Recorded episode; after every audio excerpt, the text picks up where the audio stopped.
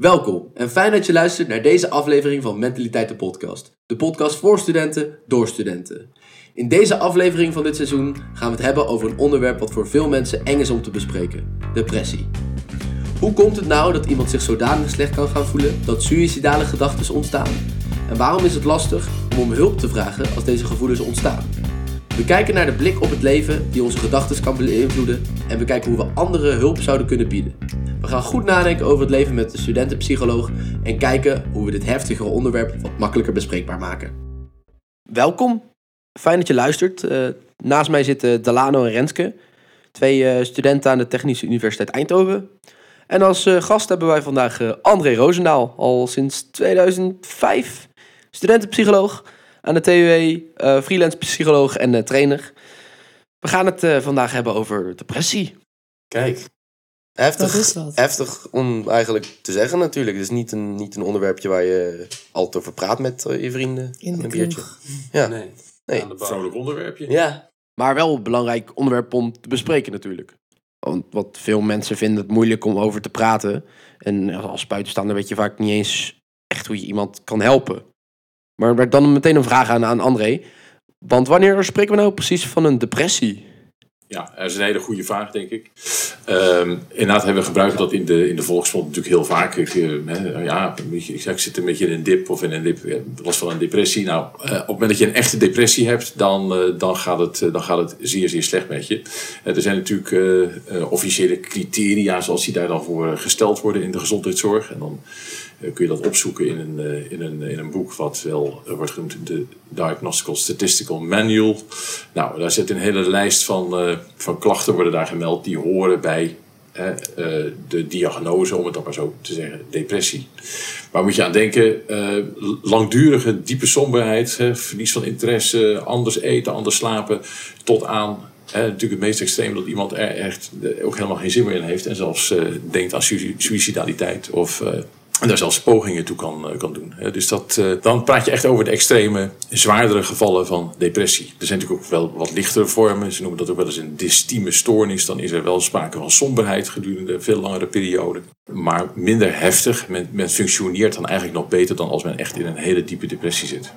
En dan moet je ook echt wel bedenken, als, als je echt aan de voorwaarden van een echte depressie dan doe je echt niet veel meer. Dat, zijn, dat is een bijzonder onaangename donkere periode waar iemand dan in zit. En daar heb je zonder enige twijfel uh, hulp bij nodig om, uh, om daar uit te komen. Uh, in de volksmond wordt er natuurlijk wel wat anders over gedacht. dus dan zou je misschien eerder kunnen zeggen, er is last van, er is sprake van somberheid. Iemand voelt zich echt niet lekker in zijn vel, voelt zich lusteloos, interesseverlies dan zijn er, nou ja, je zou ook kunnen zeggen, dan is er, zijn er mildere symptomen van depressie dan, uh, dan als je praat over een echt ernstige depressie. Maar ik denk dat, heel, uh, dat, dat dat op zich een heel veel voorkomend uh, iets is. Dat er heel veel mensen zijn die je zou kunnen zeggen, die rondlopen met gevoelens van somberheid, lusteloosheid, weinig, weinig energie. Ik noem het ook wel eens gewoon een gebrek aan levensvreugd. En uh, dat is niet zozeer een die te klassificeren dat je zegt, goh, nou, je voldoet nu precies aan alle criteria. Mhm. Maar het is overduidelijk dat mensen zich dan niet lekker in hun vel voelen. Dus uh, ja, als we kijken naar de populatie van studenten, is het natuurlijk toch fijn als je je wel fijn in je vel voelt en niet somber voelt. en niet eenzaam voelt. Uh, dat zijn vaak ook wel gevoelens die daar weer mee samenhangen. Uh, eenzaamheid, schuldgevoel, je wat meer afzonderen, een masker dragen. Wat je natuurlijk heel veel ziet. Hè, mensen die aan de buitenkant heel vrolijk, maar van binnen voelen ze zich eigenlijk heel slecht en somber.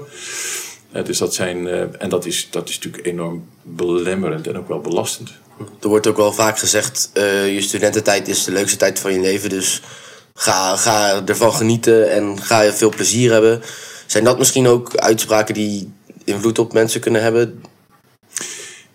Ja, ik denk het zeker wel. Uh, hè, want daarmee, uh, daarmee legt, uh, wordt er ook echt wel een enorme druk gelegd op wat je van zo'n periode zou moeten maken. Oh, dit is de mooiste tijd van mijn leven, dus nu moet ik het wel leuk hebben. En als ik het niet leuk heb, dan doe ik dus iets niet goed.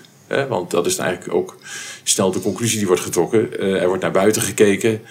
Ze kijken naar andere mensen, die zie je ook alleen maar aan de buitenkant overigens. En dan denkt men, hé, hey, dat zie je met al die andere mensen, gaat het wel goed. Nou, uh, de, de, social media draagt daar nog eens een enorme steen aan bij, denk ik. En ja, dat bij elkaar eh, brengt mensen ertoe om in de spiegel te kijken. En te denken, ja, met mij is echt iets uh, grondig mis. Want ik zou toch eigenlijk heel gelukkig moeten zijn. En dat uh, lijkt op een of andere manier niet te lukken. Is dat dan meteen ook de grootste oorzaak van het feit dat mensen echt zo'n masker opzetten? Van, ik ben heel erg gelukkig, maar dat is helemaal niet zo eigenlijk. Omdat ze aan anderen willen voordoen dat het wel zo is? Ja, ik, ik denk dat we, dat we, dat we in, een, in een tijd leven waarin... ja, je zou kunnen zeggen, het beeld wat je naar buiten toe neerzet, uh, heel belangrijk geworden is. Uh, met, alle, met alle gevolgen van dien.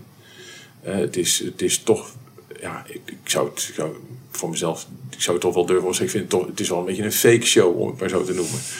En, en niet, dat er, niet, niet, dat er geen vrolijkheid is, want natuurlijk is die er, maar het feit dat je vooral een bepaald image, een bepaald beeld moet neerzetten, dat maakt, ja, dat maakt in feite dat mensen dat je je anders gedraagt dan hoe je je voelt. En als dat niet congruent is, als het niet met elkaar in, in lijn ligt, ja, dan, dan, dan geeft dat alleen maar meer interne conflicten in je. Want uh, dat kost ook heel veel energie. Ga maar doen alsof je vrolijk bent terwijl je je eigenlijk niet goed voelt. Ja, dat, dat, dat gaat niet helemaal ongestraft. En niet dat het zin heeft om uh, als het ware uh, voortdurend huilend over straat te lopen, want ik voel me zo vervelend. Maar het is wel belangrijk om je te kunnen uiten en om de ruimte te kunnen hebben om expressie te geven aan hoe je je eigenlijk van binnen voelt. En daar met elkaar eigenlijk ook vooral het gesprek over te kunnen voeren. Want het geldt voor zoveel mensen namelijk. En we houden elkaar toch een beetje collectief voor de gek op sommige momenten. Terwijl uit de statistiek blijkt dat er inderdaad gewoon heel veel mensen zijn die zich niet goed voelen. Ja, het is best wel interessant dat mensen stiekem eigenlijk voor zichzelf houden als het een beetje slecht gaat. En als je dan naar de cijfers kijkt, dan zegt iedereen: Oh ja, ik voel me eigenlijk wel gewoon slecht. Ja, ja dat, en zeker nu recent ook weer uh, uh, wat cijfers die naar buiten zijn gekomen door het CBS. Dat ook binnen de coronaperiode dat een kwart van de, van de jeugd zich echt niet goed voelt. Nou, dat is natuurlijk gigantisch. En dan weet je nog steeds niet hoe het met die 75% gaat. Dat zal ook een beetje uh, zijn ups en downs kennen. Want zo is het ook in het leven. Het heeft ook ups en downs. Maar uh, het zijn toch echt al aanzienlijke aantallen waar je over praat. Ja, toch wel bijzonder. We zitten hier nou toevallig met uh, vier studenten. Eentje niet aan de mic, maar een van ons zou dus zich echt niet goed moeten voelen. Maar het is dan al lastig om aan te wijzen wie dat dan zo is. Mhm. En dat brengt ons denk ik tot de vraag hoe je überhaupt herkent dat iemand zich niet goed voelt. Ook al probeert hij de schijn op te houden van wel. Ja, zijn er signalen waar je goed rekening mee zou kunnen houden?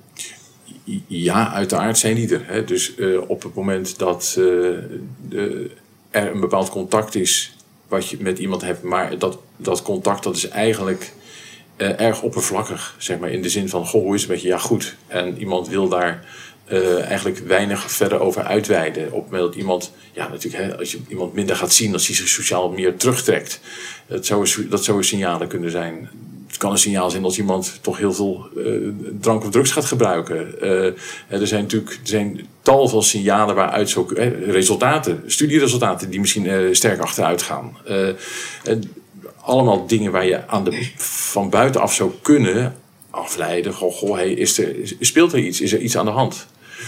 Juist ook, maar ook als iemand juist voor altijd vrolijk is. Ja, is iemand altijd vrolijk? Ja, ja het kan, maar... En niet dat je wantrouwend moet zijn van... Goh, je bent altijd vrolijk, dus het zal wel mis met je zijn. Maar het, het, het, ja, het zou zomaar kunnen dat iemand helemaal niet altijd vrolijk is... en dat het misschien helemaal niet zo goed met iemand gaat. En stel je merkt die dingen aan iemand en je besluit om diegene er of op een, uh, op een uh, ja, formelere manier uh, naar te vragen. Of echt gewoon tijdens een gesprekje van... Hey, trouwens, gaat het wel? En diegene reageert eigenlijk heel terughoudend van... Ik wil het eigenlijk niet over hebben. hoe zou je daarmee om kunnen gaan? Als, als vriend, als, als broer, als zus? Ja, daar is denk ik beslist niet, niet ja, er is zeker niet één manier voor. Hè. Het is zo afhankelijk van hoe je iemand benadert. Ik denk altijd wel dat het belangrijk is dat als je er prijs op stelt dat je met iemand echt contact krijgt, dat het in de eerste plaats belangrijk is dat je jezelf echt openstelt. He, dus op het moment dat jij, dat jij merkt dat iemand vrij gesloten is, en, maar, maar jij hebt wel echt ja, de behoefte aan echt contact, of je wil weten hoe het echt met iemand gaat, en jij zou het idee hebben van ja, iemand die laat maar de helft zien. Of, uh, nou ja, dan zou een manier kunnen zijn om bijvoorbeeld eens over jezelf te vertellen. En dat kan zijn, het gaat goed met me, maar je kan ook zeggen: Goh, dit vind ik eigenlijk, eh, daar zit ik eigenlijk wel mee. Vind ik eigenlijk wel hartstikke lastig. En eh, eigenlijk het vertrekpunt veel meer als je vanuit jezelf starten en, en daar openheid eh, aan geven. En op het moment dat je dat doet en je laat ruimte zeg maar, om aan de ander om daarop te reageren. Of je stelt vervolgens van, goh, herken je dit soort dingen? Of heb jij dit ook wel eens? Eh, dan, dan leg je in feite eh, een hele veilige basis neer... waarop iemand zich zou kunnen uitspreken over hoe het met hem of haar zelf gaat. In plaats van eh, bij iemand aan de bar te gaan staan en zeggen van... Goh, ja, je, je zegt dan wel dat het goed gaat, maar eh, ik geloof het eigenlijk niet zo heel erg. Dus eh, zou je eens kunnen... Ik, ik wil het echte verhaal eens horen. Ja, maar ik vertel het echte verhaal tegen je. Ja, ja, nou ja, goed, dan kun je natuurlijk er een heel... beetje aan eigenlijk. Dan kun je een heel ongemakkelijk gesprek natuurlijk krijgen. Ja, ik denk dat een van de, van de, van de mooiste manieren om contact met iemand te leggen... is gewoon jezelf open te stellen voor dat contact. En zelf ook, hè, men zegt het dan zo mooi... jezelf kwetsbaar op te stellen. Ik, in feite heeft kwetsbaarheid natuurlijk een hele negatieve lading. Want mensen zien dan, ja, interpreteer dat als ik... Ja, het is een soort dreiging hè, die daarvan uitgaat. Er kan mij nu iets gebeuren. Nou Ja, er wordt natuurlijk ook wel vaak gezegd dat kwetsbaarheid een kracht is. Maar de kracht die erachter schuil gaat, is dat je niet bang bent om open te zijn over het feit dat er gewoon een, een scala aan gevoel in je kan bestaan. Dat je ervaringen hebt die, die plus en min zijn. En dat die ruimte er ook mag zijn in plaats van een soort totaal geïdealiseerd wereldbeeld of, of, of, of beeld van het leven dat het altijd goed met je zou moeten gaan. Ik bedoel, dat is natuurlijk een, een volstrekte illusie. Hoe zou dat kunnen? Ja, inderdaad. Ja, en als je dan dat hebt gedaan en diegene heeft zich opengesteld en je komt samen tot de conclusie van we weten niet zeker of het echt, echt heel erg slecht is, maar het gaat in ieder geval helemaal niet goed met, eh, met diegene die, die misschien wat symptomen eh, liet zien. Hoe ga je daar, hoe, wat voor stappen zet je daar dan mee? Ja, ook daarin, kijk, eh, jij gaat als ge- gelijke, zeg maar, als, als bekende, als vriend, als vriendin, als, eh, ga, ga, je dat, ga je dat gesprek aan. En eh, ja, afhankelijk van waar, waar iemand mee komt of waar iemand toe bereid is om openheid over te geven, eh, ja, kunnen er dan suggesties opkomen als van, goh, hé, hey, maar joh, als ik zo beluister, het idee dat is, heb je er wel eens over nagedacht om bijvoorbeeld met iemand te gaan praten? Of eh, dat je dat soort suggesties gaat doen van joh, eh, nou ja, dat kan natuurlijk bijvoorbeeld de universiteit zijn, maar dat kan natuurlijk ook zijn van bij spreken van goh, heb je wel eens, ben je wel eens naar je huisarts gegaan? Ik bedoel, maar een laagdrempelige insteek als het eh, psychologisch, psychisch met iemand niet zo lekker zit, eh, is, is toch te verwijzen naar, eh, naar de hulp die, die, eh, die het dichtst voorhanden is. En nou ja, ik moet zeggen, op de universiteit zijn er ook wel enige wachttijden, maar die zijn korter dan in de GGZ om maar zo te noemen. En nou, dat is, dat, is zo, een- dat is een prima eerste stap om, om te zetten. En misschien ook wel een, een, een stap waar het bij kan blijven. En als het nodig is dat, dat iemand meer hulp nodig heeft, dan, dan vindt er van daaruit natuurlijk wel weer doorverwijzing plaats. Zijn er, zijn er mensen die echt eh, negatieve ehm, dingen eraan overhouden omdat de wachttijden bij de GGZ zo lang zijn? Want wij als studenten hebben natuurlijk heel fijn eh, eh, toegang tot de infrastructuur die de TU heeft opgezet. Maar er zijn genoeg mensen die dat niet hebben, ook in andere steden bijvoorbeeld. Ja, goed, je leest daar natuurlijk ook in de krant wel over. Hè. De, de, de wachtlijsten zijn enorm. En het, er moet echt sprake zijn van hele, hele acute crisis... waarin mensen bij spreken echt gewoon in levensgevaar zijn. Of een gevaar voor zichzelf zijn. Dan, eh, dan, wordt er natuurlijk, eh, dan wordt er nog steeds onmiddellijk ingegrepen, voor zover mij bekend. Eh, maar ja, op het moment dat, dat het met, met mensen echt niet goed gaat... en ze komen toch maanden op een wachttijd te staan... Ja, dan, dan, dan is er in heel veel gevallen natuurlijk toch sprake van verslechtering... en niet van verbetering van de situatie. Eh, omdat, er gewoon, eh, omdat er gewoon niks gebeurt. En ja, dat, dat, is- dat is... Dat is eh, dat is voor het individu rampzalig, maar je zou ook kunnen zeggen voor de samenleving zelf ook. Eh, Even los van het feit dat, dat iemand gaat, kan niet vooruit met zijn leven. Zo is het zo. En het heeft ook effect vaak op de omgeving van zo iemand weer. En mensen maken zich daar ook weer zorgen over. Het heeft een enorm uitstralingseffect, niet alleen voor het individu, maar ook daaromheen. Is dat een toenemend probleem wat je ziet? Ja, ik, ik denk dat dit, dat, dat dit beslist een toenemend probleem is. Hè. De, de, het, het aantal mensen dat psychisch onder druk staat eh, in de samenleving wordt groter en groter. Eh, nou, wat we de afgelopen anderhalf jaar hebben gezien, zal daar geen, heeft daar geen verbetering in aangebracht. Eh, eh, ja, de, de, de hoeveelheid hulpverleners die is, die is beperkt. En eh, daar zijn dan ook weer allerlei regels en, eh, en, en protocollen en verzekeringsdrempels. kortom, een hele bureaucratie die daar ook omheen zit. die dat eigenlijk ook eh, niet makkelijker maakt om mensen van, eh, van snelle en, en, en, en adequate hulp te kunnen voorzien. Dus ja, dat, dat hele systeem wat we hebben opgetuigd eh, is, is niet flexibel genoeg, zou je kunnen zeggen. En ook niet, eh, ja, in dat opzicht ook niet doeltreffend, denk ik. Ik denk dat we heel veel missen daardoor. Dus ik denk dat we bij de TU als van geluk mogen spreken dat we die infrastructuur die Bram net eerder noemde wel hebben. Als student zijnde in ieder geval. Ja, ik, ik, je, zou, je, je zou kunnen zeggen geluk. Het is, ik, ik, ik noem het altijd gewoon fatsoen. Fatsoen, Eh, ja. Dat we dit eigenlijk gewoon inrichten. En, eh, want luister, je hebt... Maar dat zou bijspreken, zou je kunnen zeggen, dat geldt eigenlijk in elke organisatie. Je hebt met mensen te maken. En mensen maken dingen mee. En eh, nou, als je opgroeit, maak je al helemaal. eh, Maak je ook heel veel dingen mee, maar hè, dat is een hele grote verandering in je leven. Waar je, waar je gewoon mee te maken hebt. Van uit huis gaan tot eh, nou ja, het aangaan van relaties, het, het, het van relaties. Het, eh, je wordt volwassen en het, het proces van volwassen worden is het denk ik toch wel belangrijk dat er ook, eh, dat er ook enige hulp voorhanden is als dat nodig is. Eh, het zijn ook periodes waarin, als mensen uit een hele lastige thuissituatie komen, waarin er eigenlijk heel veel los kan komen en heel veel kan ontstaan. Mensen worden zich opeens bewust van hey, waar hebben wij eigenlijk jarenlang ingezeten, als, als kind bijvoorbeeld. Nou, dat zijn allemaal eh, eh, omstandigheden die, eh, en processen die aanleiding kunnen geven voor, voor, voor, voor psychische problemen op dat moment. Is dat, dat schokeffect misschien, ik zou zeggen, de main reason voor velen dat het opeens misgaat of snel misgaat? Of Ja. dat ze een, om, een kanteling krijgen in hun gemoedstoestand? Of hoe ze over zichzelf denken of over anderen? Nou, dat is ook een reden. Ja, ja. De, de, en nog, het is, als, je, als je kijkt naar wat voor soort klachten kom je tegen, dan, zou je, dan zou je kunnen zeggen, het, het, gaat, het, heeft, het gaat natuurlijk altijd over emoties, het gaat eigenlijk altijd over gevoel. In combinatie met hoe iemand nou ja, in het leven staat naar dingen kijkt. Eh, Dus je, je gedachten over jezelf, je gedachten over de wereld om je heen, de waarneming van, van de dingen om je heen. Ehm, en de emoties die dat vervolgens oproept ja, in die combinatie vind je, vind je van alles. Hè? Van somberheid tot angst, tot eh, eh, schuldgevoelens, tot eh, diep verdriet, tot rouw. ja, weet je, dat zijn allemaal maar woorden zeg maar, die je geeft aan gevoel of aan omstandigheden. Maar het, het, is, is zo divers als je, maar, als je maar kan bedenken. Even los van, noem maar even een dwarsstaat, dat, dat, dat mensen tegen eetproblematiek aanlopen of drank- en drugsgebruik, waar ze mee te maken, verslavingsproblematiek. Eh, ja, en dat zijn, vaak, dat zijn natuurlijk ook vaak allemaal weer uitingsvormen van iets wat daaronder ligt. Eh, Ik bedoel, natuurlijk kun je bij- bij zeker ongemerkt gameverslaafd worden, maar het is ook een, eh, in veel gevallen ook een soort uitvlucht. Eh, je niet willen confronteren met de realiteit.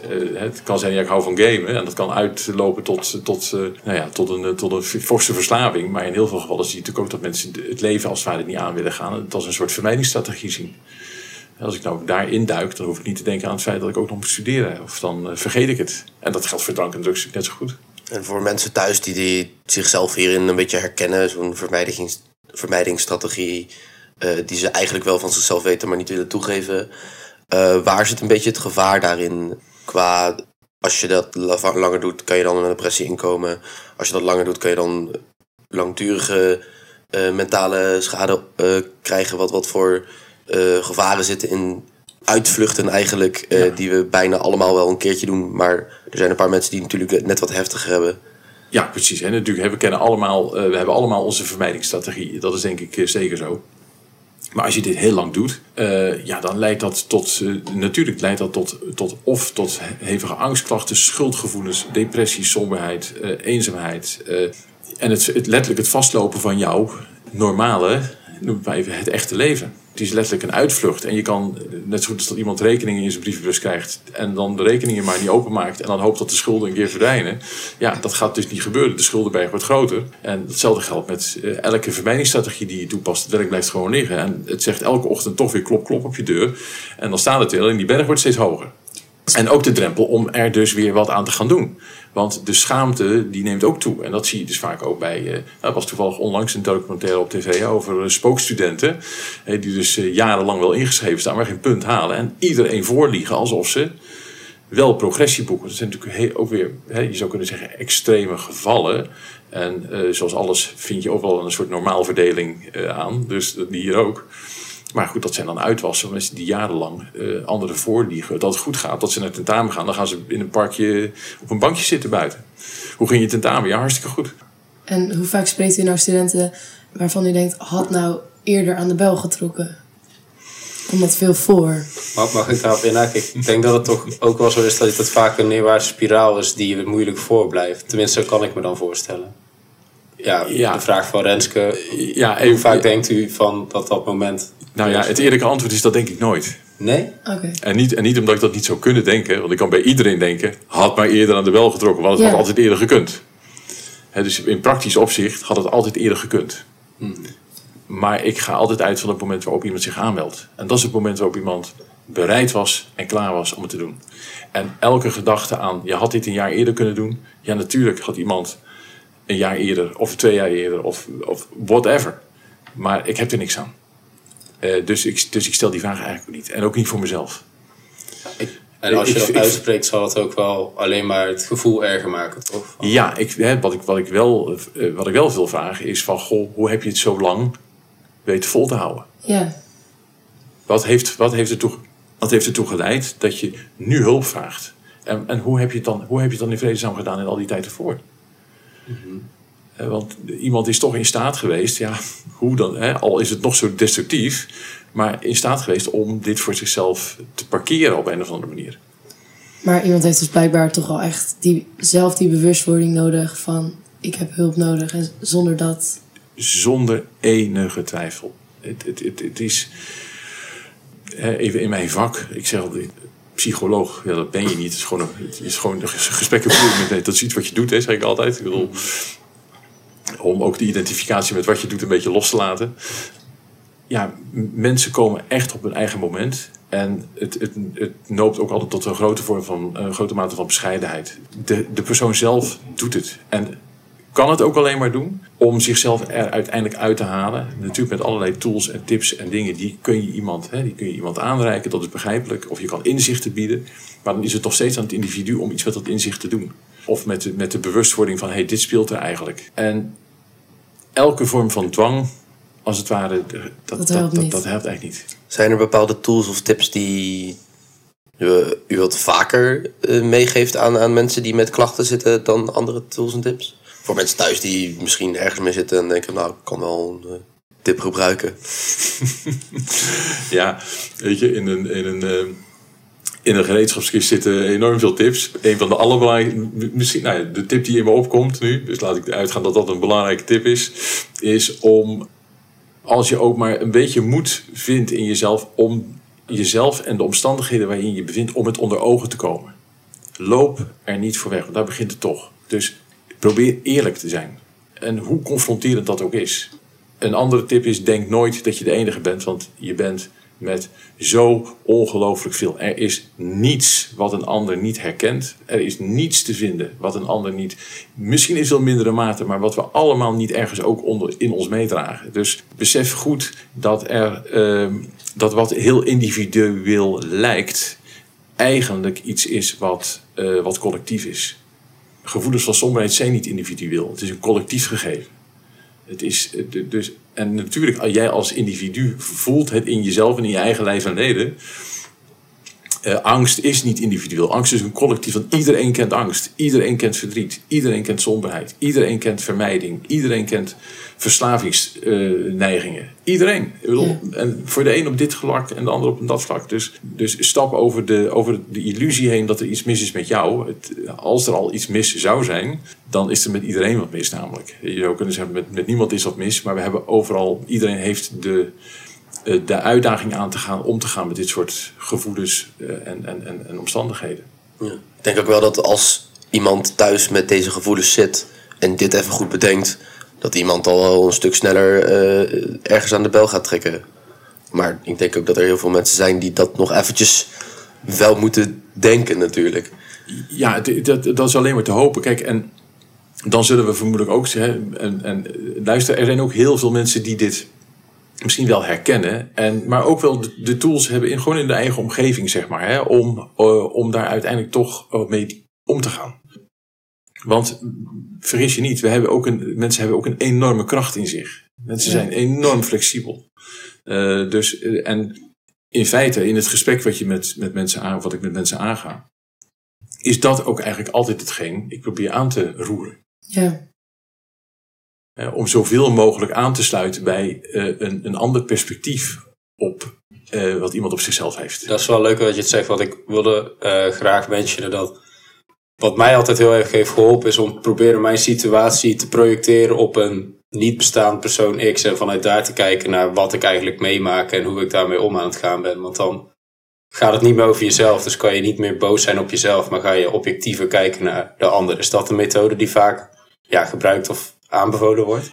Ja, het, het, het eh, proberen is, eh, als ik je goed beluister, eh, het proberen te observeren van wat er in je gebeurt of wat je doet, zonder daar eigenlijk over te oordelen.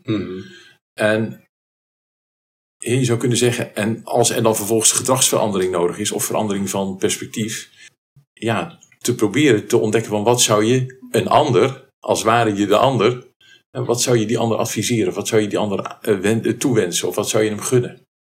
Maakt het dan ook makkelijker om die, die confrontatie als het ware aan te gaan met waar je eigenlijk wel niet allemaal mee zit?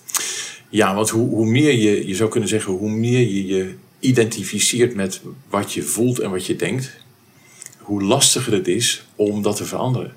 Ja. Omdat je namelijk denkt dat je het bent. En een van de, een van de belangrijke eh, ja, pogingen, denk ik, die ik altijd wel probeer te ondernemen, is iemand in te laten zien en ook te laten ervaren dat wat iemand voelt nog altijd niet is wat hij is, maar dat het een gevoel is wat uiteindelijk komt en gaat, ook in, in heftigheid. Iemand is soms, iemand zegt ik ben altijd somber, zeg ben je, maar ben je altijd somber? Nee, toch niet altijd. Er zijn toch ook momenten dat het wel. Oké, dus, dus het is iets wat komt en gaat. Oké, en datzelfde geldt voor gedachten. Nou, en dan zijn er natuurlijk allerlei manieren om ook die gedachten weer te bevragen of te onderzoeken van klopt het eigenlijk wel wat je denkt, is het wel waar? Hoe kom eigenlijk aan die gedachten? Waar heb je die gedachte eigenlijk opgedaan? Hoe je denkt en hoe je kijkt naar de wereld om je heen lijkt heel. eh, het, het lijkt alsof jij degene bent die dat als het ware doet.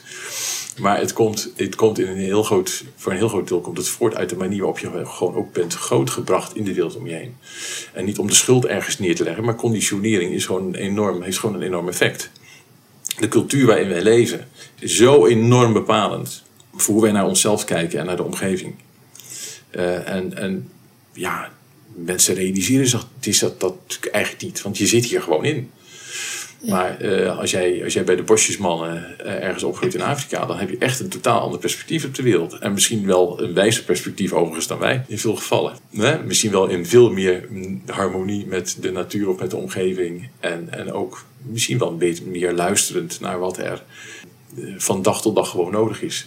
Ze rijden niet in een grote auto rond en wonen niet in een huis zoals wij dat hebben. Maar ze staan misschien wel in, meer in verbinding met, ja, met zichzelf en met het leven om hen heen. Ja. Dus zo'n eh, kwestie van mentale eh, problemen hebben. Het kan eh, dat iemand een jaartje daar last van heeft gehad als student, maar dat het eigenlijk gewoon van origine al op de basisschool ontstaan is. Zeker. Hè? Dus als, je, als je in heel veel gevallen, als je met studenten of gewoon überhaupt met mensen dit, dit gesprek aangaat van goh, waar komen klachten nou vandaan? Ja, dan kun je, en, en niet om het verleden, zeg maar, is, is helemaal eh, binnenste buiten te keren. Zo van, eh, ehm, je kan heel erg gaan zitten voeten in het verleden. Je kan je ook veel meer richten op het hier en nu. Maar om inzicht te krijgen in waar iets zijn oorsprong heeft, is het vaak wel zinvol om, om echt even terug te kijken. Want bepaalde manieren van kijken, jouw eigen conditionering, jouw, jouw, jouw opvatting over jezelf, eh, ja, dat heeft natuurlijk wel degelijk zijn grondslag in jouw verleden.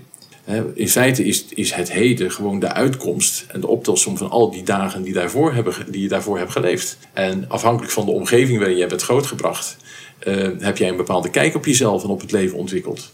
Als je heel veel waardering en heel veel liefde hebt gehad, heel veel ondersteuning, ja, dan is, dan is het basis zelfvertrouwen of het basis eigenwaarde van iemand natuurlijk op een heel ander niveau dan iemand die eh, met geweld en, eh, en, en, en psychische, ja, of psychisch of fysiek geweld te maken heeft gehad, om maar wat te noemen.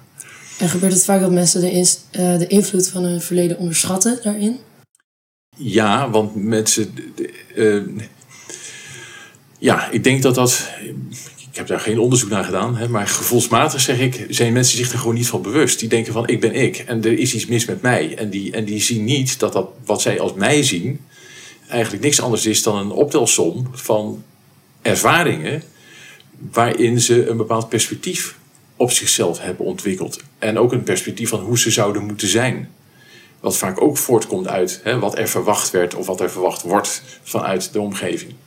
Dus mensen zoeken het heel erg binnen zichzelf en zijn dan blind voor. Ja, ze leggen de schuld binnen zichzelf. Ze hebben een ideaalbeeld waarvan ze denken dat het hun eigen beeld is wat ze graag, wat ze, wat ze in feite willen nastreven. Terwijl dat ook nog maar de vraag is, want het is vaak een opgelegd of een, ge, een geïnternaliseerd beeld, wat helemaal niet zozeer voortkomt uit hun, misschien hun eigen diepste wens, maar veel meer voort is gekomen uit wat men heeft meegenomen uit de jeugd en uit het verleden. Dat ideaalbeeld zijn wij ook allemaal wel gewoon een beetje schuldig aan dat we dat samen een beetje creëren voor onszelf. Ja, eh, nou, schuldig wil ik niet zeggen. Je bent, ik, ik, ik probeer het woord schuld nou, niet, niet, niet te vermijden, maar schuld is een volstrekt is een begrip wat alleen maar leidt tot ellende. Het, het enige wat. Uh, want je, waar heb je schuld aan? Ik, kan hooguit, ik zeg vaak: schuld bestaat niet. Wat wel bestaat is zoiets als verantwoordelijkheid. Uh, ik kan dingen verkeerd doen. Hè. Ik kan een bank beroven. Dan, zeggen we hier: ik ben schuldig aan, de, aan het beroven van de bank. Hè. Dus op zich een duidelijk, tuurlijk, ik heb dat gedaan. Maar het overhouden van je van schuldgevoel daaraan, zeg maar, ja, dat, dat lost op zich het probleem niet op. Het heeft wel de zin om te denken: goh, hoe heeft het nou zover kunnen komen? dat ik ben overgegaan tot het bureau van een bank. Ik ben daar wel verantwoordelijk voor. Ik moet nu vijf jaar in de cel zitten en dat, is dan, uh, dat zijn dan de consequenties. Maar ik word er geen beter mens van om te denken: ik ben een, ik ben een diep schuldig, zondig, ellendig persoon. En dat te blijven volhouden voor de rest van. Ik heb wel te dragen wat ik heb gedaan. Dat moet ik wel met me meeschouwen, zeg maar. Als kind, ja, als kind word je gewoon. groei je op in de omgeving waar je opgroeit. Je, je wordt geboren waar je wordt geboren. En daar heb je het mee te doen. En wat zin heeft, is om te zien van, goh, wat voor omgeving was dat nu? Als kinderen ouder worden of in de adolescentieperiode komen, dan gaan ze zich van, ja, het kan, god, het kan ook heel anders. Bij de middelbare school zien mensen al bij vriendjes of vriendinnetjes kan het thuis heel anders aan toe gaan dan bij henzelf. Mm. Dat kan heel confronterend zijn. Maar jouw structuur is wel ontstaan in dat gezin waar je uitkomt. En ja, de, de uitdaging waar je voor staat is om die structuur als het ware onder ogen te komen met alle gevoelens en alle ideeën die je hebt over jezelf, en, maar ook over je, je achtergrond. Zonder, denk ik, te vervallen in heel veel schuld of uh, ook, ook het wijzen naar hè, hoe, hoe, hoe verschrikkelijk sommige uh, opgroeiprocessen ook zijn. Uh, om proberen de kracht te vinden en verantwoordelijkheid voor te nemen dat je, dat je ermee leert omgaan. Want je, je, zal ermee moeten, je zal ermee moeten leren leven. Ja, ja en ook de, uh, schuld bij anderen proberen te leggen of verwachten dat iemand anders verantwoordelijkheid ergens voor neemt, is toch juist wat heel veel mensen heel erg tegenstaat. Want uiteindelijk ben alleen jij verantwoordelijk voor hoe jij, inderdaad wat je net zegt, dealt met. Dat, uiteindelijk is dat natuurlijk zo. En dat betekent dus niet dat je, dat je, dat je, dat je niet, hè, zeker als, als er sprake is van trauma bijvoorbeeld in, je, in, het, in het verleden Natuurlijk is er ook ongelooflijk veel boosheid en kwaadheid. En het zijn allemaal dingen die er echt mogen zijn. En die er ook, die er ook, die ook geuit moeten worden. En, en uiteindelijk is het, is het voor het individu belangrijk dat hij ergens de stap een keer kan zetten. En zegt: Oké, dit, dit is wat het geweest is. En dit heb ik ervan meegenomen. Dit heb ik ervan geleerd. Dit, is, dit heeft me gevormd. Het was ongelooflijk zwaar. Maar om op een gegeven moment ook te kijken: kan ik er iets mee doen wat goed is? Want natuurlijk in elke rampzalige ervaring eh, zit uiteindelijk ook iets waar je iets mee kan, gek genoeg. Ik bedoel, tot aan. Uh, ja, er zijn een paar prachtige boeken die ik wel eens noem. De Zin van het Bestaan is een boek van Viktor Frankl bijvoorbeeld. En dat gaat over. Uh, die, die man is, uh, is psychoanalyticus, een Oostenrijker van origine, maar Jood van afkomst. En die heeft in de concentratiekampen gezeten. Die heeft een boekje geschreven over hoe hij daarmee omging en hoe hij dat overleefd heeft. En hoe hij dat uiteindelijk, die ervaringen bijvoorbeeld, dat is natuurlijk een extreem, extreem voorbeeld. Maar hoe iemand in staat is om dat dus om te zetten in iets positiefs. En, nou, en die potentie leeft in feite, in, naar mijn oordeel, in ieder mens. Dus ik zal altijd in die potentie geloven. Mooi. Ja, echt mooi. Hm. Ja, ik vind dat heel, eigenlijk een heel mooi punt. Uh, Komt het vaak voor dat mensen um, zelf toch een beetje hun vertrouwen zijn verloren in die potentie? Dat ze Beslist. Ja, beslist. Mensen verliezen op een gegeven moment, of de, hè, het, het ergste is dat men, die, dat, men dat, dat vertrouwen totaal verliest. En op het moment dat iemand dat vertrouwen totaal verliest, dat hij eruit zou kunnen komen, dat hij er iets van kan maken, ja, dan sta je natuurlijk op een hele gevaarlijke drempel. Want ja, dan maken mensen beslissingen die vaak ook onomkeerbaar zijn. Hè, waar, ja, en dan is zelfmoord er natuurlijk één van. Of eigenlijk ook de definitieve en enige stap die men dan, eh, die dan gezet zou kunnen worden. En dat is, ja, en dat, dat, dat, dat, dat wil je niet. Niemand wil dat. En is er iets wat u dan heel graag benadrukt of nog wil meegeven om mensen toch eh, te laten wijzen op die kracht? Ja, dus, dus als, het, als het gaat over het, het, het contact wat ik zelf met mensen heb, is, is ze ja, niet alleen in, ja, ik, ik zeg vaak niet alleen in woord, maar ook in, in, in gevoel of het contact wat je met iemand maakt. Om iemand, en ik kan, kan echt slecht verwoorden hoe dat precies in zijn werk gaat, maar eh, om iemand toch te laten ervaren, er leeft, er is in jou altijd de potentie om er iets anders mee te doen dan wat je er nu mee doet. Dat, er is altijd een andere keuze en die keuze kun jij maken. Ehm, en ook de verzekering, en dat proberen te koppelen ook aan de eigen ervaring in het leven, dat altijd alles verandert. Niets blijft ooit hetzelfde. Dus hoe ellendig de situatie ook is, weet het zal altijd veranderen. Dat is, dat is, dat is de enige zekerheid die we hebben. Dat, eh, er is ook een mooi, mooi parabeltje van. Hè, van een, ik geloof een koning die vraagt aan een filosoof: kun je me iets geven wat van blijvende waarde is? En uiteindelijk komt die, eh, eh, komt die filosoof, die, die, die wijze, die komt bij die koning, die geeft hem een ring en daar staat een inscriptie ingeschreven. En daar staat op: ook dit zal veranderen. Dus als er iets mis is in je koninkrijk, weet dan, kijk dan naar die ring en zeg dan, ook dit zal veranderen. Als het goed gaat, kijk dan ook naar de ring en weet dan, ook dit zal veranderen.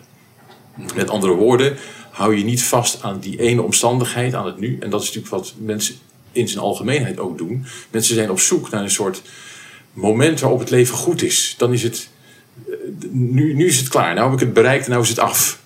En het is nooit af. En als het nu vandaag goed is, omdat de zon schijnt en alles mee zit, weet dan, er komt een dag, dan zit het niet mee. En op, op die dag dat het niet mee zit, weet dan, ook dat verandert. Er zal een dag komen dat het weer mee zit. Dus, en dat geldt in uiterlijke omstandigheden, maar ook in innerlijke gemoedstoestanden. Is de, zou je, dan, je zou dus kunnen zeggen dat de essentie van depressie is het geloof verliezen in die potentie om, om dat in te kunnen zien. Ja, dus het, En wat je het, beste tegen kan doen tegen in een depressie belanden, juist dat altijd blijven realiseren. ja, en dat is natuurlijk de lastigheid, want iemand realiseert zich dan eigenlijk niet. Die, die Ja. probeert met man en macht ergens een, een, een, een, een sprankje vreugde te vinden. En zegt, ja, er is in, in mij is er geen vreugd meer. Ja, het antwoord is dat is niet waar. Ik, ik weet dat dat niet waar is. Maar op het moment dat jouw levensvreugde als het ware onder een dikke laag met stof ligt, zie je het niet. Eh, dus de, de, ik zeg altijd, ja, je kan het ook vergelijken met een lampje. Eh, er brandt altijd licht, maar als je, er een, eh, als je er een grote emmer overheen zet, ja, dan zit je toch echt in een donkere kamer. Ik dat, dat... En hoe dan ook zul je die emmer dus weg moeten halen. En waar bestaat die emmer nou uit? Wat, wat, is die, wat, wat, wat vormt nou die, dat, dat je dat licht niet meer ziet, of dat je die vreugde niet kan ontdekken? Nou, en dan is het vaak een combinatie hè, dus van, van natuurlijk ervaringen die iemand gehad kan hebben, maar vooral ook hoe iemand naar zichzelf kijkt. En, en, eh, of, een, of een projectie daarvan. Hè. Iemand kan zeggen, de wereld is ellendig en eh, ik, er is hier geen plaats voor mij en eh, niemand zit op mij te wachten. Dat zijn allemaal ideeën over de wereld, maar het zijn eigenlijk ideeën die iemand over zichzelf heeft. Eh, want de, het is niet zo dat de wereld niet op jou zit. Hoewel mensen wel die ervaring kunnen hebben natuurlijk. Hè, dat als je gepest bent, ik noem maar wat. Ja, dan heb je de ervaring echt heel nadrukkelijk ondervonden dat je bent afgewezen. Dat je buiten de groep hebt gestaan. En dat, he- en dat laat een diep spoor na in iemand. Dat is natuurlijk helder. Maar het is niet waar dat de wereld alleen maar uit pestkoppen bestaat. En het is ook niet waar dat er geen mensen zijn die wel om jou zouden kunnen en willen geven. Zou je daar dan ook zeggen dat zelfbeeld heel erg centraal staat in dat Ja. proces? Ja, absoluut. Het, je, dus het, uit, in feite zou je kunnen zeggen, het beeld wat jij van jezelf hebt, is eigenlijk alles bepalend voor hoe jij met de dingen omgaat. Hè, dus zie je jezelf als, een, als, als het slachtoffer, als een krachteloos, somber iemand, dan zul je dat ook tot uitdrukking brengen. Als je zegt, oké, ik heb misschien wel sombere gevoelens, maar ik ga niet bij de pakken neerzitten en ik kan er wat van maken, ja, dan leidt dat tot iets anders Ja. Ja, datzelfde geldt voor, voor, voor angstgevoelens. Hè. Ik, hè, ben je iemand met hoogtevrees of heb je last van hoogtevrees. Ja. Wat een heel groot verschil is. Je hebt depressie, je bent het niet. Ja, ik heb, ik heb sombere gevoelens of ik, of ik, ik ben somber. Ja. En als je het bent, dan letterlijk zeg je eigenlijk, en, dat is een, en die mantra in taal werkt dat heel sterk. eh, dat, dat werkt als een soort permanente bevestiging van iets wat onveranderlijk is. Want iets wat je bent, ben je namelijk. Ja, dus zie zo'n zelfbeeld maar eens te veranderen dan. Precies, dan is het een, dan is het een vaststaand beeld. En tegelijkertijd heb je wel een ideaalbeeld van hoe het zou moeten zijn. Dus je zegt je van, nee, ik, ik ben somber, maar ik zou vrolijk moeten zijn. Maar als je het bent, hoe kun je van iets wat je bent gaan naar iets anders? Want je, je kan maar één ding zijn namelijk. En dan staat het ideaalbeeld ook nog eens een keer op scherp, in, in, in onmiddellijk contrast met het beeld wat je van jezelf hebt, wat weer een extra conflict opwekt. Ja. Want je hebt dan niet alleen, je kijkt in de spiegel en dit, dit deugt niet. Want dit, is, dit zou het moeten zijn. Dan heb je dus twee problemen. En ik voel me nu somber en ik zou ook nog moeten voldoen aan iets, aan iets anders eigenlijk. Wat ik niet ben. conflict in jezelf dus Ja, wat het conflict nog eens een keer vergroot. En wat ook het gevoel van frustratie, machteloosheid en, en zelfverwijt vaak ook vergroot. Want anderen zijn namelijk wel in staat om Ja. vreugdevol te zijn. Of het, of het leven als een eh, plezier te ervaren of, of wat dan ook. Ja. Dat eh, ideale zelfbeeld, kan dat ook voor bijvoorbeeld mensen tot een burn-out eh, eh, zorgen? Want ik denk ook dat dat ideale zelfbeeld eh, best wel belangrijk is in hoeveel hooi je op de vork neemt. Zeker. Hè? Dus het beeld, wat, of de verwachting eigenlijk die daar dus aan gekoppeld is, hè, van iemand die, ja, die, die hard moet werken, die zijn verantwoordelijkheden altijd na moet komen, die vooral geen fouten mag maken, die ja, eh, geen steken mag laten vallen. Ga zo maar de bol, dat, dat, dat zet iemand aan tot, tot prestaties die misschien op korte termijn fantastisch mooi zijn, maar die uiteindelijk voorbij gaan aan wat je aan het, eh, aan het kunnen opladen van de batterij, maar ook aan het permanent eh, rondrennen in, dat, in, die, in die red race, zeg maar. Alsof er een punt komt waarop je eindelijk een keer kan uithijgen. En dat punt komt niet. Want er staat iedere keer weer iets nieuws voor je deur waar je, waar je, aan, waar je, waar je weer aan mag voldoen om, ja, om, om dat ideaalbeeld maar hoog te houden. Ik denk ook dat ik namelijk namens veel mensen thuis deze vraag stel. Eh, is er een bepaalde grens tussen burn-out en depressie? Wat zijn precies de verschillen hierin? Want Ja, Eh, nou, die verschillen die zijn ook gewoon echt bijzonder lastig. Het is echt niet altijd even eenvoudig om aan te geven. hè. Nogmaals, zoals ik eigenlijk ook begon, bij depressie gaat het echt over een diep gevoel van somberheid. Eh, eh, vaak een extreem schuldgevoel, negatief zelfbeeld, eh, enorm gevoel van interesseverlies tot aan, nou ja, suicidaliteit aan toe. Bij burn-out spreek je en zou je kunnen zeggen, gaat het ook over gevoelens van somberheid. Iemand zit beslist ook niet lekker in zijn vel. Het gaat vaak gepaard met extreme vermoeidheid. Maar dat kom je ook weer tegen bij depressie. Dus ik, ik kan in feite niet eens zo 1, 2, die zeggen van... Goh, je zou iemand echt, je zou echt het individu moeten spreken, zeg maar. Om te kijken gewoon wat heeft nou de overhand en waar ligt nou ook een beetje de, de oorzaak. Kijk, het burn-out gaat dan toch vaak, heeft toch vaak betrekking op idee dat iemand over zijn grenzen is gegaan. En daarmee in feite een enorm eh, gebrek aan energie heeft gehad. Waarbij hij van, soms van het een op het andere moment ook echt niks meer kan. En zonder dat hij als het ware in contact heeft gestaan met zijn eh, ja, met signalen die daar misschien al wel veel eerder eh, zijn geweest, maar die ook gewoon genegeerd zijn. Dus het is eerder, eh, bij, bij burn-out gaat het toch echt eerder over echte uitputting vanwege het feit is blijven rennen, rennen, rennen, rennen. Terwijl depressie echt het, eh, ja, dan misschien eerder te maken heeft met een, met een verlies van levensvreugd en eh, geen zin meer zien in het leven, geen doel en geen betekenis meer zien. Zichzelf daar ook, ja, ook, ook echt minderwaardig en schuldig over voelen. Niemand zit erbij te wachten. Dus heel, hele diepe gevoelens van minderwaardigheid. En dat hoef je bij burn-out niet altijd tegen te komen.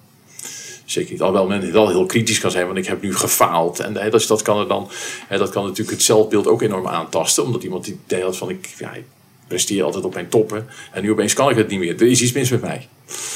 Ja, En, en die signalen die je dus bij een burn-out misschien al best wel snel hebt van... oh, ik doe dus eigenlijk te veel.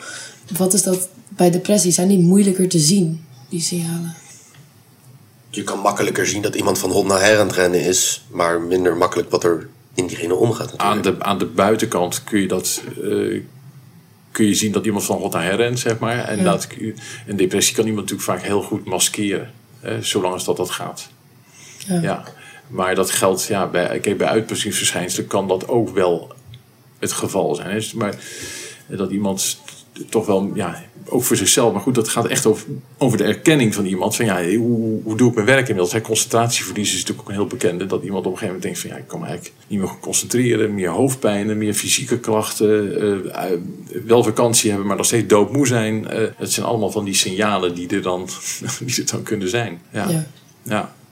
Zijn er bepaalde fysieke verschijnselen die vaker terugkomen bij een depressie of burn-out? Nou, wat ik als wat ik. Eh, kijk, bij een burn-out kun je, kun je tal van klachten krijgen. Maar vooral zie je natuurlijk vaak of heel rusteloosheid kun je, kun je hebben, maar ook een hele sterke vermoeidheid. Misschien veranderde eetpatronen kun je daar ook tegenkomen. Dat mensen juist heel veel meer gaan eten, eh, omdat ze ook energietekort hebben. Eh, maar goed, dat zie je bij depressie gek genoeg ook weer. Hè. Mensen kunnen of, juist heel weinig gaan eten, of juist heel veel meer gaan eten. Je ziet vaak dat ja, bij depressie bijvoorbeeld ook in de ochtend, hè, mensen die echt depressief zijn, hebben vaak meer moeite met ochtends opstaan. Maar ja, dat geldt natuurlijk met iemand burn-out ook weer. Hè. Die komt ook zijn bed niet uit. Eh, S'avonds zie je bij mensen met somberheid dat ze vaak weer actiever worden. Hè. Dat, eh, dat is wel een patroon wat je wel tegenkomt. Ja, er zit heel veel overlap in. Dat, eh, dat, dat, zo is het ook wel. Geldt dat dan ook voor het behandelen van beide zaken? Dus zowel van burn-out als depressie, dat dat qua behandeltraject heel erg op elkaar lijkt? Ja, nou wat, wat sowieso heel veel natuurlijk toch wordt toegepast is, is wat men dan noemt cognitieve gedragstherapie. Dus men gaat eh, kijken naar, gewoon naar wat, voor, wat voor soort gedachten heeft iemand nou en eh, welke gevoelens hangen daarmee samen. Eh, ik denk dat hè, als, je, als je echt over ernstige depressie spreekt, eh, ja, dat mensen wel bijvoorbeeld eerder aan medicatie eh, bij depressie zitten dan bij, dan bij burn-out. Eh, maar eh, ik denk dat de behandelvormen die er zijn, die kunnen zowel worden toegepast bij burn-out in veel gevallen als bij, eh, als bij depressie ook een stukje activering toch weer. Hè? Want eh, juist niks doen, daar word je op zich ook weer niet altijd beter van. Zonder dat je natuurlijk weer te veel gaat doen. Hè? Maar iemand die, die depressief is, ja, die, belangrijk bijvoorbeeld om ook naar buiten te gaan. Om, om letterlijk in beweging te komen. En eh, ja, bij burn-out zie je vaak ook dat mensen wel de neiging hebben om juist eigenlijk rust te willen nemen. Wat ook heel belangrijk is. Maar helemaal alleen maar rust zeg maar, in een stoel gaan zitten. Daar word ik weer niet goed van. Dus ja, dat, in dat, ik denk dat de, de behandelvormen lijken daar in dat opzicht best wel op elkaar. En eh, je had het net ook over medicatie. Wanneer gaat iemand depressiva slikken? Want is daar een beetje een tendens in van wanneer het, eh, het wordt voorgeschreven voor mensen? Nou, je, ja, je, je zou, je zou ergens ook kunnen zeggen, of jij medicatie, hoe snel jij met medicatie in aanraking komt, hangt ook heel sterk af van de behandelaar met wie je te maken hebt. Want er zullen behandelaars zijn die zeggen van, nou, doe maar medicatie. En dat een andere behandelaar dan zou zeggen, nou, dat doen we maar even niet. We gaan maar even rondjes hardlopen en we gaan, eh, we gaan andere dingen doen. Of, eh, dus de een zal daar veel sneller toe besluiten dan, dan iemand anders. Wat je, en dan praat je toch echt wel over, hè, niet alleen niet meer psychologische, maar misschien zelfs wel psychiatrische zorg.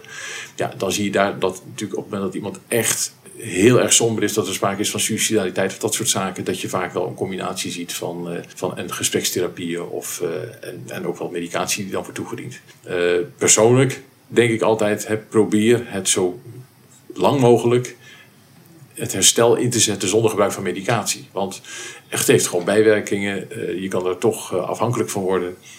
Het geeft ergens ook het idee dat je iets nodig hebt om je goed te voelen.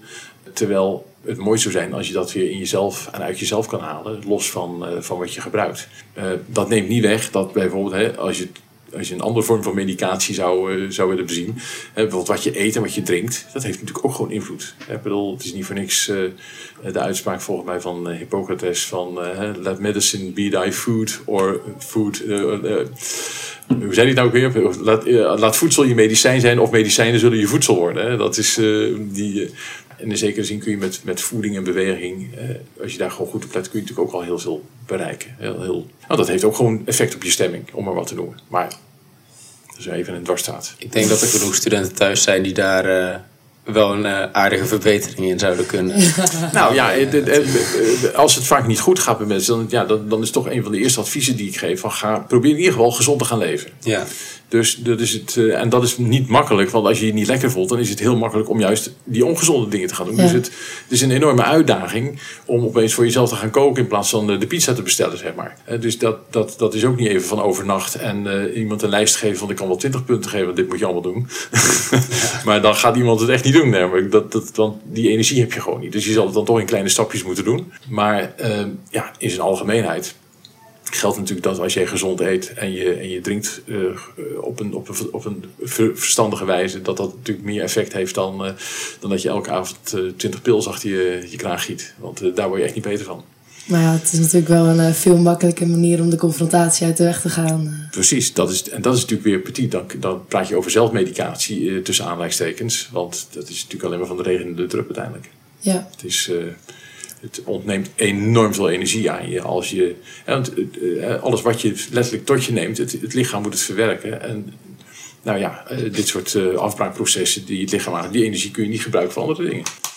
Maar dit klinkt dan ook wel alsof eh, dit best wel een relatief makkelijke manier is om een vriend of vriendin te helpen. Door te zorgen van eet goed, ga mee sporten.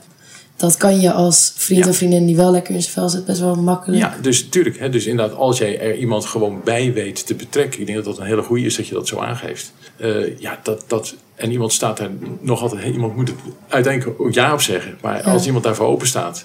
en je weet een soort... eh, eh, zonder, zonder daar de hulpverlener in te worden. Hè? Dus je, je blijft vriend of vriendin. Ik denk Ja. dat dat wel echt een heel belangrijk iets is. Dus dat je je niet als vriend of vriendin niet verantwoordelijk gaat voelen voor het welzijn van iemand. Want je bent er niet verantwoordelijk voor. Dat kan ook niet. Dus om, ik bedoel, betrek het op jezelf, zeg ik altijd. En zou jij willen dat een ander. Stel de vraag aan je: zou jij willen dat een ander zich ex- tot, tot in hoge mate verantwoordelijk gaat voelen voor wat jij doet of hoe jij je voelt? Ja, waarschijnlijk niet. Nee, eh. nie- als je die vraag aan iemand persoonlijk stelt, zeggen de meeste mensen: dat wil ik niet. Ik, ik, wil, ik wil niet dat jij je rot voelt. Oh, sorry. Ik wil niet dat jij je rot voelt of dat jij een, een last op je schouders neemt die eigenlijk bij mij thuis hoort. Dat maakt het wel lastig om naar een vriend of vriendin te stappen met je problemen, lijkt me. Ja, dat, dat, dat kan natuurlijk ook mo- moeilijk zijn. Zeker. Ja. Ja, maar het is heel goed wat je zegt. Ik bedoel, Neem iemand op sleetouw als hij daarvoor open staat. Dan is dat natuurlijk hartstikke positief. Wij eten groenten vanavond, eet je mee. Ja, eet gezellig mee en eh, kom op, we gaan, eh, we gaan boodschappen doen, we gaan, eh, we gaan koken, kom op. Ja. ja. Nou, ik vind dat eigenlijk een heel mooi punt om eh, op af te sluiten, deze podcast. Dat denk ik ook. Eh, hartstikke bedankt eh, Delano en Renske en eh, natuurlijk hartstikke bedankt André. Nou, graag gedaan. Ehm, hartstikke fijn eh, dat eh, je hebt geluisterd naar deze podcast. Bedankt, tot de volgende keer en eh, fijn dat je tijd neemt voor jezelf.